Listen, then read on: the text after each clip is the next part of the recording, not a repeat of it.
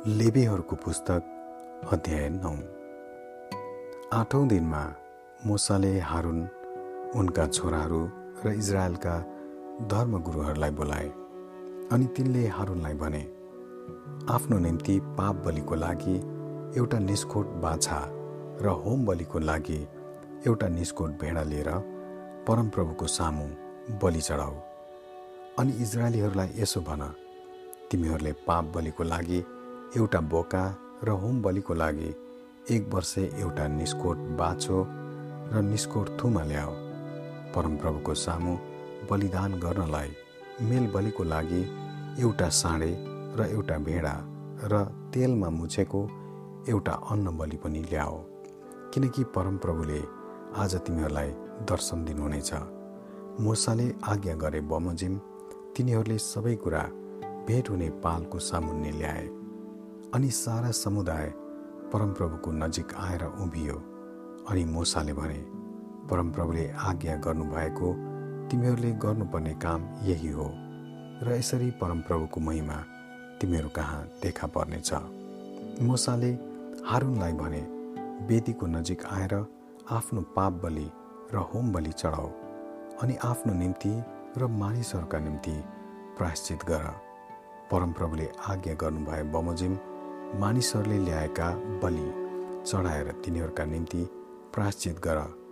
तब वेदीको नजिक आएर हारुनले आफ्नै निम्ति पाप बलिको बाछा मारे। हारुनका छोराहरूले रगत उनी कहाँ ल्याइदिए? उनले आफ्नो औँला रगतमा चोपेर वेदीका सिङहरूमा लगाए र बाँकी रगत चाहिँ वेदीको आधारमा खनाइदिए। पाप बलिको बोसो मृगौला र कलेजो ढाक्ने मासु उनले वेदीमा जलाइदिए जसरी परमप्रभुले मुसालाई आज्ञा गर्नुभएको थियो। तर मासु र छाला चाहिँ उनले छाउनी बाहिर आगोमा जलाइदिए तब हारुनले होम बलि मारे र उनका छोराहरूले रगत उनी कहाँ ल्याइदिए र उनले वेदीको वरिपरि त्यो छर्के। तिनीहरूले होम बलि टुक्रा टुक्रा पारेर टाउकै समेत उनी कहाँ ल्याइदिए र उनले त्यो वेदीमा जलाइदिए उनले आन्द्रा बुढी र खुट्टा पखालेर वेदीको होमबलीमा जलाइदिए। त्यसपछि मानिसहरूका निम्ति बलि ल्याएर तिनीहरूका पाप बलिको बोका हारुनले मारे र पहिलेको जस्तै पाप बलिको लागि त्यो चढाए।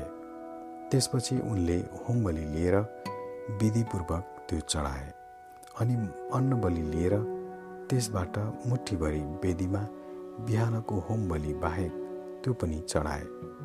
मानिसहरूका निम्ति मेल बलिको साँडे र भेडा पनि हारुनले मारे। उनका छोराहरूले रगत लिएर उनलाई दिए अनि उनले त्यो वेदीको वरिपरि छर्के तर साँडे र भेडाको बोसो बोसो पुच्छर आन्द्रभुँडी ढाक्ने बोसो मृगौलाहरू र कलेजो ढाक्ने मासु तिनीहरूले हाँकुलाहरूमाथि राखे। अनि उनले बोसो चाहिँ वेदीमा जलाए। ह्याकुलाहरू समेत दाहिने साप्रो चाहिँ मुसाले अराए बमोजिम हारुनले डोलाइने बलिको लागि परमप्रभुको सामु डोलाए। तब हारुनले आफ्ना हात मानिसहरूतिर उठाएर तिनीहरूलाई आशीर्वाद दिए। यसरी पाप बलि होम बलि र मेल बलि चढाएर उनी तल ओर्ले। तब मोसा र हारुन भेट हुने पालभित्र प्रवेश गरे। अनि निस्केर मानिसहरूलाई आशीर्वाद दिए अनि परमप्रभुको महिमा सबै मानिसहरूमा देखा पर्यो।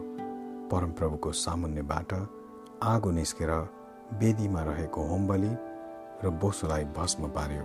जब मानिसहरूले यो देखे तब तिनीहरू खुसीले कराएर घोप्टो परेर लोटे।